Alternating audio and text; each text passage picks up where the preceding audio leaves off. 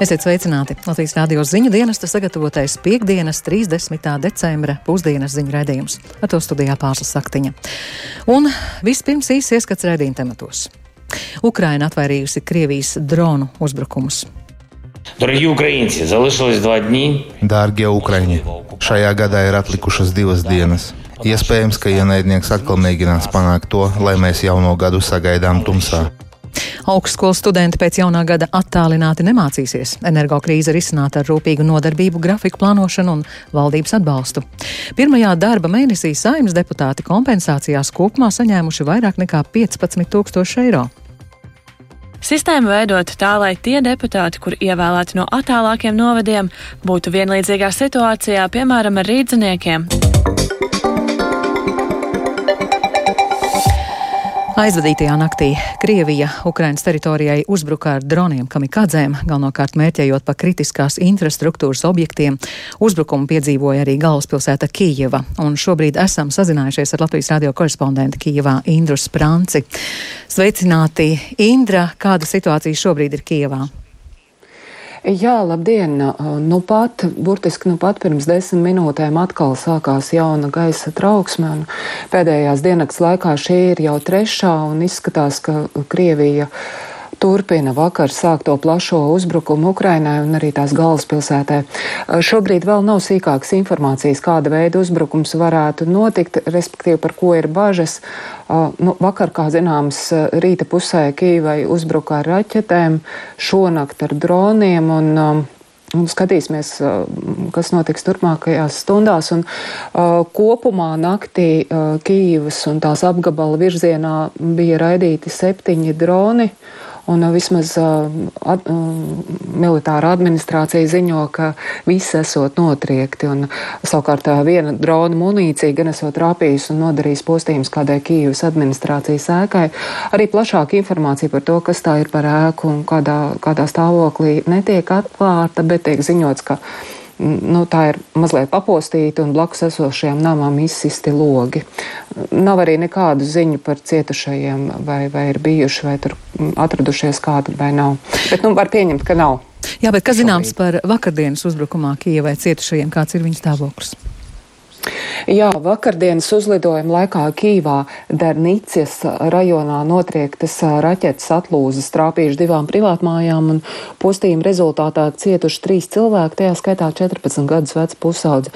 Un vakar arī parādījās ziņas, ka visi nogādāti slimnīcā un, un kā pusaudzēji traumas bija nu, salīdzinoši nosacīta, protams, vieglas, bet gados vecākajai sievietei situācija bija smagāka krietni. Tas ir par Kīv, Kīvā cietušajiem, bet, protams, visā Ukrainā šī kopējā statistika ir daudz bēdīgāka un nogalināto civiliedzīvotāju skaits arī vakar turpināja augt un, un jaunākās ziņas šobrīd mēs vēl neesam apkop, apkopojuši. Bet uh, es gribētu vēl papildināt arī par šīs nakts uzbrukumiem. Tātad um, Krievija mērķēja rādījis par objektiem arī uh, Kīivas apgabalā. Um, tātad turpināt uh, iznīcināt kritisko infrastruktūru, vismaz mēģinot to un, un visu, kas gadās pa ceļam. Un postījumi jau vakar bija ievērojami cietus arī viena medicīnas iestāde un uh, desmit privātmājas buču, bučas apkaimē. Atgādināšu, ka tā ir vieta, kas jau bija smagi izpostīta pavasarī, kad Krievija nesekmīgi centās iekarot Kīvu. Tur joprojām liela daļa ēku gaida nojaukšanu, jo tās vairs nevar atjaunot, un atjaunošanas darbus, darbi ir nepieciešami mazāk cietušiem namiem, un tur tas viss arī notiek procesā un diezgan lēni uh, sokās ar, ar šo te visu. Mm -hmm. Tu šajās dienās esi apmeklējis Kievas piepilsētas apdzīvotās vietas. Mm, vai Krievijai ar šiem uzbrukumiem izdodas kaut kā laust Ukraiņu pretošanās garu? Jā, es šajās dienās pabiju gan tajā pašā Bučā, Baradjānkā, Hostameļā, un jāsaka, ka ne no viena paša cilvēka neesmu dzirdējis kādu čīkstēšanu šai ziņā, kā par tām grūtībām, kas viņiem jāpārdzīvo. Viņi saka, ka tas vēl vairāk saliedē, vēl vairāk rada tādu lielāku spīti un tādu niknumu. Uh, izdzīvot tumsā bez elektrības, siltuma un ūdens vai ar regulāriem pārāvumiem. Daudz jau ir kaut kādā veidā ir iemācījušies, un kā viņi saka, viņi arī saprot, ka nekas labāks šodien viņiem nebūs. Ir jāiztiek, taču ir tāda nu, liela apņēmība to visu pārvarēt un sagaidīt šo uzvaru. Un tā kā Ukrainas prezidents šajās dienās jau vairāk kārtīgi ir brīdinājis, ka gada nogalē gaidām atkal masīvāki uzbrukumi, tad par tiem te neviens tā īpaši nav pārsteigts. Tā jau tiek pieņemta kā tāda norma, ka Krievija mēģinās visu laiku padarīt Ukraiņu dzīvi pēc iespējas tik grūti, cik nu vien tas ir iespējams. Un, jo īpaši svētkos vai, vai kaut kādos lielākos notikumos, kā tagad, piemēram, jaunajā gadā. Līdz ar to viņi, viņus tas nepārsteidz, bet nu, viņi cenšas mazināt riskus un vismaz runājot ar tiem cilvēkiem, ar kuriem Man bija iespēja aprunāties viss kā viens solās ievērot komandantu stundu. Tātad rītā, rītvakar ārā uz ielas neiet, pat ja būs tātad jaunais gads. Un, šo, šos svētkus pavadīt kopā ar tojiem cilvēkiem mājās un, un visiem arī pilnīgi visiem viena vienota vēlēšanās, lai jaunajā gadā būtu Ukrainas uzvara pēc iespējas drīzāk. Jā, nu tam ticam arī mēs. Paldies! Paldies tik tālu Indras Brance no Kīvas, un Indra jau pieminēja, ka Ukrainas prezidents Zelenskis brīdinājis, ka gada pēdējās dienās Krievija var sarīkot jaunu masveida raķešu uzbrukumu. Rietumvalstu militārie analītiķi šaubās, ka šī taktika vainās Ukraiņu pretestību Krievijas agresijai. Un par to vairāk stāsta Uldis Česberis. Krievija otro nakti pēc kārtas apšaudīja Ukrainu ar Irānas piegādātajiem droniem kamikadzēm Šahid. Šonakt uzbrukumi notika Ukrainas dienvidu austrumiem un ziemeļiem. Ukrainas gaisa spēki ziņo, ka ir izdevies notriekt visus 16 pretinieku palaistos dronus. Vakar dronu uzbrukumiem sekoja masveidīgi raķešu triecieni. Krievija izšāva vismaz 69 raķetes, no kurām 58 neutralizēja Ukrainas pretgaisa aizsardzības spēki. Uzbrukumos ievainoja vismaz 5 civiliedzīvotājus, bet postījumus no nodarīja vairāk nekā desmit kritiskās infrastruktūras objektiem visā valstī. Piemēram, pēc uzbrukumiem Odesas apgabalā bez elektrības palika aptuveni 450 tūkstoši cilvēku. Amerikāņu domnīcas kara izpētes institūts jaunākajā ziņojumā secināts, ka ar vakardienas raķešu triecieniem pa Ukrainu Krievija vēlējās parādīt, ka tās rīcībā joprojām ir pietiekami daudz raķešu. Taču domnīcas analītiķi uzskata, ka Krievijas centieni šādi salauzt Ukraiņu pretestību cietīs neveiksmi. Turklāt Ukrainas sekmīgie triecieni pa militārajiem objektiem Krievijā liecina par Krievijas pretgaisa aizsardzības sistēmu neefektivitāti pret droniem. Ukrainas prezidents Volodimirs Zelenskis vakar vakarā brīdināja par jauniem Krievijas masveida raķešu un dronu uzbrukumiem. Дорогі українці, залишилось два дні цього року. Можливо, ворог Можливо, ще раз спробую зробити так, щоб новий рік ми зустрічали у темряві. Dārgie Ukraiņi, šajā gadā ir atlikušas divas dienas. Iespējams, ka ienaidnieks atkal mēģinās panākt to, lai mēs jauno gadu sagaidām tumsā. Iespējams, ka okupanti plāno kārtējos uzbrukumus mūsu pilsētām, lai liktu mums ciest. Bet neatkarīgi no tā, ko viņi plāno, mēs par sevi zinām vienu - mēs izturēsim. Noteikti patrieksim viņus bez šaubām, un viņus sodīs par šo briesmīgo karu. Sodīs maksimāli. Pakarāņa za šo strašnu vīnu maksimāli. Runājot par situāciju frontē, Zelenskis atzina, ka tur lielas izmaiņas nav notikušas. Lielākās kaujas notiek pie Bahmutas un Solidaras pilsētām Donetskas apgabala austrumos. Zelenskis norādīja, ka ienaidnieks nav atteicies no idejas sasniegt Donetskas apgabala administratīvās robežas līdz vecgada vakaram. Tas gan nešķiet reāli, jo rietumvalstu militārie eksperti ir norādījuši, ka Krievijas spēku uzbrukumie pie Bahmutas ir sasnieguši kulmināciju, kas nozīmē, ka tiem vairs nav spēju turpināt centienus aplenkt un ieņemt pilsētu. Kamēr Ukrainas armija turpina centienus patriekt iebrucējus no okupētajām teritorijām, tikmēr atbrīvotajos rajonos varas iestādes apzina kara sekas. No okupantiem atbrīvotajās teritorijās Hersonas, Donetskas, Mikolaivas un Harkivas apgabalos likumsargi līdz šim ir atraduši vismaz 1116 bojāgājušo mirstīgās atliekas, to vidū arī 31 bērna, paziņojusi Ukrainas Nacionālā policija.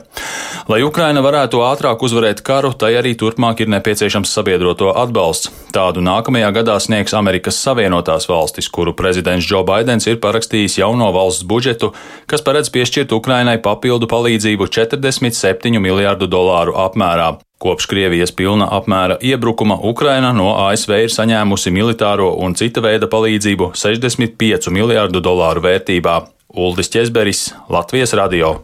Ukrainas pretgaisa aizsardzības darbību var vērtēt kā ļoti labu, taču jāturpina to stiprināt. Tā šorīt Latvijas radio vērtēja Nacionālo bruņoto spēku pārstāvis majors Jānis Slaidiņš. Pat labam lielākās kaujas notiek pie Bahmutas, kas abām pusēm kļūs par simbolu. Viņš teica, ka Krievija turpinās koncentrēt savus spēkus šajā virzienā. Bahmuts ir jau kļuvusi par simbolu gan uh, Ukrainas bruņotiem spēkiem, gan arī Krievijas bruņotiem spēkiem. Varam redzēt, ka Krievija savu karavešanas stilu nemaina tāda Krievu vadība, jā. Tik līdz tiem parādās jauni spēki, tie uzreiz tiek mesti kaujā.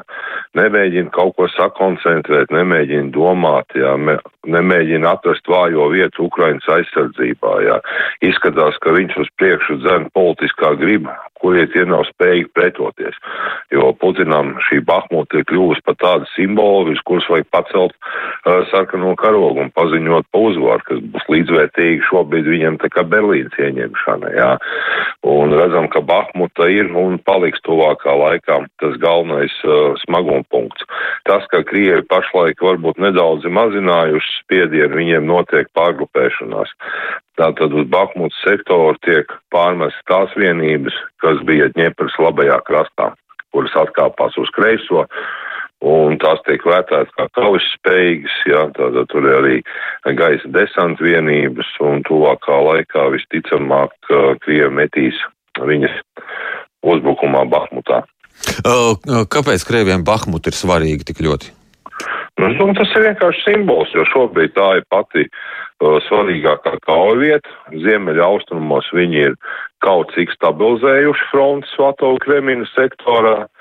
Jā, tātad tur Ukraiņu uzbrukums ir uh, nerit uz priekšu vairāk tik raiti, kā tas bija, jo, protams, ir to visu iespēdo meteoroloģiski apstākļi un zeme tur nav sasalus, līdz ar to nevar pielietot smago kaujas tehniku, tātad ierobežots manevrs, un Bahmuta ir tā ir atslēga, lai tālāk iziet no operatīvojas pašumos virzienā uz Slavjānsku un Kramatorsku.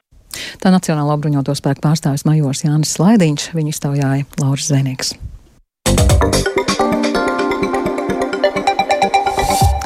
Augstskolu studenti pēc jaunā gada attālināti nemācīsies. Energokrīze risināta ar rūpīgu nodarbību, grafiku plānošanu un valdības atbalstu. Tojoties apkurses sezonai, kas šogad iezīmējās ar krāsu energotarifu kāpumu, Latvijas augstskolu vadība situāciju vērtēja skarbi. Briestošie rēķini var rezultēties ne tikai dramatiskos taupības pasākumos, bet, nespējot apkurināt telpas, arī attālinātās mācībās, kā tas bija divās pandēmijas ziemās.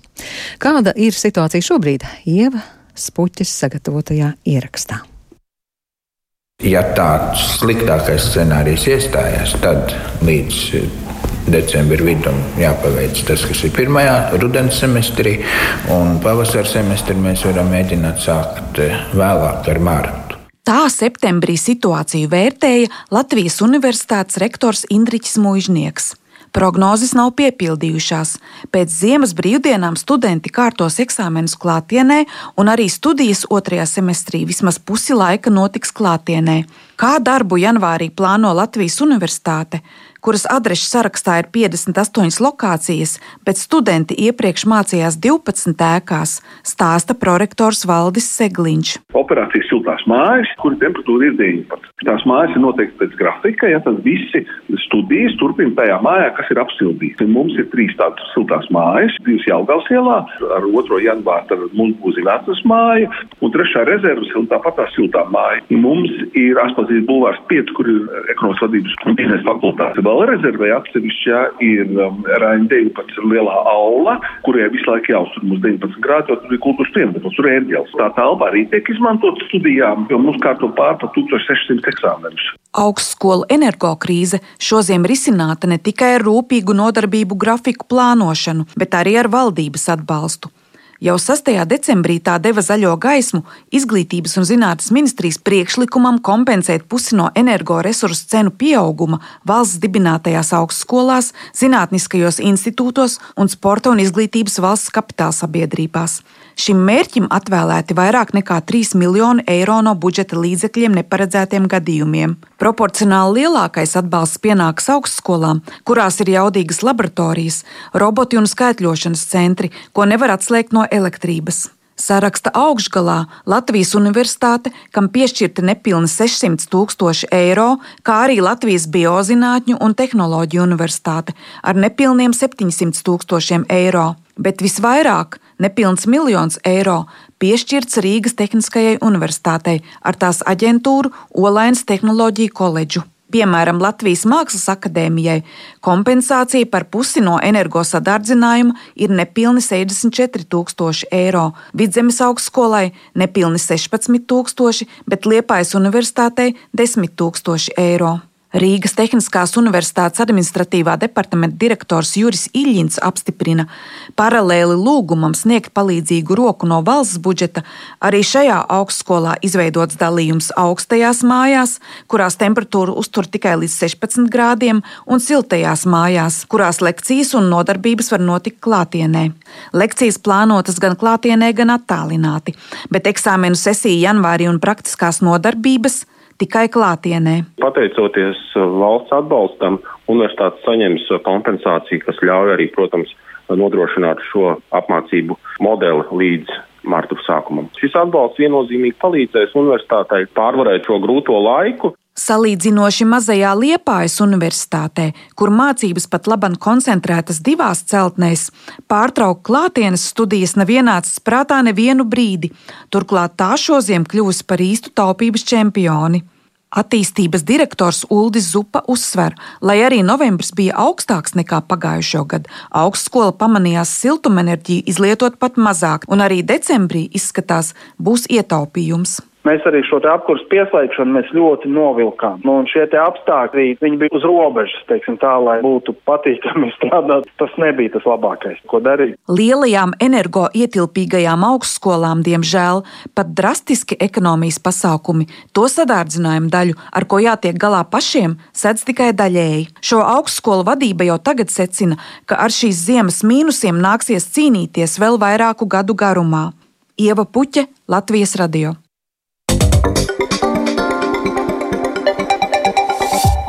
Saimnes deputāti pirmajā darba mēnesī īres un transporta izdevumu kompensācijās saņēmuši vairāk nekā 15 tūkstoši eiro. No visiem deputātiem 39 parlamentārieši varēja pieteikties kompensācijām. Vislielākie attaisnotie izdevumi uz viena deputāta mandātu ir Zaļo un Zemnieku savienībai.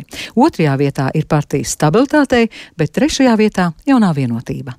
Un plašāk par kompensācijām stāsta Linda Spundiņa. Šajā gadā saimas deputāta mēneša alga ir nepilni 3400 eiro pirms nodokļu nomaksas, taču parlamentāriešiem no valsts budžeta kompensē arī izdevumus, kas radušies realizējot savas deputātu pilnvaras. Viņi var pieteikties saņemt īres un transporta izdevumu kompensāciju. Sistēmu veidot tā, lai tie deputāti, kur ievēlēti no attālākiem novadiem, būtu vienlīdzīgā situācijā, piemēram, ar rīdziniekiem, norādīts saimnes mājaslapā. Maksimāli pieļaujamo kompensācijas apmēru nosaka atkarībā no deputāta dzīves vietas. Parlamentārieši ir iesnieguši visus čekus un apliecinājumus par pirmo darba mēnesi, tāpēc aprēķinātas viņiem piešķirtās kompensācijas. Izmaksas par novembri kopumā ir vairāk nekā 15 600 eiro. 39 parlamentārieši varēja pretendēt uz kompensācijām. Jaunās vienotības deputāti Mārtiņš Fels un Zanis Kuņa Rubene kompensācijām nepieteicās. Felsam piešķirtā norma ir 903 eiro, bet Skuņai Rubenai 171 eiro. Trīs deputāti pilnā apmērā izmantojuši piešķirto kompensāciju normas. Inga Bērziņa no jaunās vienotības saņēmusi kompensāciju 949 eiro apmērā, Nacionālās apvienības deputāts Aleksandrs Kirsteins 171 eiro apmērā un Kaspars Melnis no Zaļo un Zemnieku savienības 1074 eiro. No visiem deputātiem tieši Melnis novembrī saņēmis vislielākās kompensācijas. Otrajā vietā ir viņa partijas biedra Līga Kozlauska. Viņai kompensēti izdevumi 1004 eiro apmērā. Pārējo deputātu kompensācijas nepārsniedz 1000 eiro. Ja raugās uz kompensācijām frakciju ietveros, tad vislielākie attaisnotie izdevumi uz vienu deputātu mandātu ir Zaļo un Zemnieku savienībai - 303 eiro. Otrajā vietā ir partijas stabilitātei - 244 eiro, Bet trešajā vietā ir jaunā vienotība, kurai uz vienu deputāta mandātu kompensētie izdevumi ir 182 eiro. Neko kompensācijās nav saņēmis politiskais spēks Latvija pirmajā vietā, jo nevienam no deviņiem deputātiem nav papildu transporta izdevumi vai nepieciešams īrēt dzīvokli Rīgā pilnvaru realizēšanai. Arī partijai progresīvie, salīdzinot ar citu frakciju parlamentāriešiem, atlīdzinātie izdevumi ir niecīgi. No desmit deputātiem kompensācijas novembrī saņemt varēja tikai Edgars Zelderis. Viņš pieteica 49 eiro kompensāciju par transporta izdevumiem. Kopumā tieši transporta izdevuma atlīdzināšanai deputāti prasījuši vislielākās kompensācijas - te jau 8000 eiro. Savukārt dzīvojamā telpu īres kompensācijās vairāk nekā 7600 eiro. Jāpiemina, ka mēneša vidū saimā amatā apstiprināti 14 jauni deputāti, jo viņu partijas biedri nolika mandātus dodoties strādāt valdībā. No jaunajiem ministriem tikai Māris Kučinskis no apvienotā saraksta pieteica kompensācijas 103 eiro apmērā. Tāpēc paredzams, ka 14. saimai šādā sastāvā kompensēto izdevumu apmērs varētu palielināties. Linda Spundiņa, Latvijas radio. Jēkabpils novada pašvaldība sākusi pārskatīt īres līgumus, ar kuriem tos pagarināt, ar kuriem nē. Daļa no jau saņēmuši paziņojums, ka pēc pusgada īres līgums netiks pagarināts. Iedzīvotāji ir neizpratnē, bet pašvaldībā skaidro, ka to nosaka jaunie domas saistošie noteikumi. Vairāk stāsta Sandra Paegļkalne. Jēkabulietai Sarmītai ir bažas par nākotni. Divistabu dzīvoklī dzīvojam no 1999. gada pirmās grupas invalīds puika, trūcīgo status. Man ir jāiet, jāpārslēdz īres līgums. Uz cik ilgu laiku noslēgs īres līgumu, to viņa man nevarēja pateikt. Vai vispār mums atļaus dzīvot šajā dzīvoklī, arī nevarēja pateikt, bet par katru cenu centās iestāstīt to, ka dzīvoklis ir jāizpērk. Es arī paskaidroju, ka mums nav tādu līdzekļu, par ko šo dzīvokli izpirkt. Īrnieki ir neizpratnē, kādēļ nevar īres līgumus pagarināt, sevišķi tādēļ, ka daudzi ir godprātīgi maksājuši īres maksu un komunālo pakalpojumu rēķinus. Jākapils Nauda pašvaldībā skaidro, ka ir mainījusies likumdošana valstī, tādēļ tiek pārskatīti īres līgumi. Daļai īrnieku pusgada laikā būs jāpamet dzīvokļi, jo viņiem esot zudis tiesiskais pamats īrēt dzīvokli. Piemēram, ja dzīvoklis savulaik iedots kā palīdzība daudz bērnu ģimenei, un tagad bērni jau sen pilngadīgi stāstīja Jēkabpils novada domas attīstības un tautsēmniecības komitejas priekšsēdētājs Ainars Vasilis. Tā kā jebkura palīdzība, viņa vienu brīdi sākās, vienu brīdi beidzās. Ar te mums runājam par to, ka šai palīdzībai ir bezgalības raksturs. Jēkabpils novada domas priekšsēdētāja vietnieks veselības un sociālo pakalpojumu jautājumos Aivars Vanaks uzsver, ka pašvaldība kā dzīvokļu īpašniece var lemt par īrnieku izlikšanu no dzīvokļa. Ja es īrēju dzīvokli no privātā Es apzinos, ka tas dzīvoklis nav mans. Es domāju, kā tālāk rīkoties, vai iegādāties īpašumu pašam, vai turpināt īri. Un zinu, ka vienā dienā izīrētājs var pateikt, vācies. Nu, apmēram līdzīgi ir arī pašvaldība. Ekonomikas ministrijā gan skaidro, ka iespējams pašvaldība ir nelīdz galam izpratusi izmaiņas likumdošanā. Jaunie regulējumi neatiecas uz dzīvokļiem, kas izīrēti kā palīdzības sniegšana dzīvokļu jautājumu risināšanā skaidro ministrijas mājokļu politikas departamenta direktors Mārtiņš Auders. Neparedz nekādus pārējais noteikumus, ko darīt ar uh, jau noslēgtajiem uh, līgumiem, kas ir noslēgti saskaņā ar likumu par palīdzību dzīvokļu jautājumu risināšanā. Pašvaldība nevar prasīt pārskatīt iepriekš noslēgtos līgumus, kas ir noslēgti saskaņā ar šo likumu respektīvi visi, kas ir saņēmuši palīdzību. Likuma pamatiesas ir vērsts tikai uz priekšu jaunām tiesiskām attiecībām, kas tiks nodibinātas nu, nākotnē. Ministrijā norāda, ka pašvaldībai nesot obligāts pienākums pārskatīt arī tos īres līgumus, kuri noslēgti par dzīvokļiem, kas nav piešķirti kā palīdzība dzīvokļu jautājumu risināšanā, bet pašvaldībai esot tiesības to darīt, skaidro Mārtiņš Auders.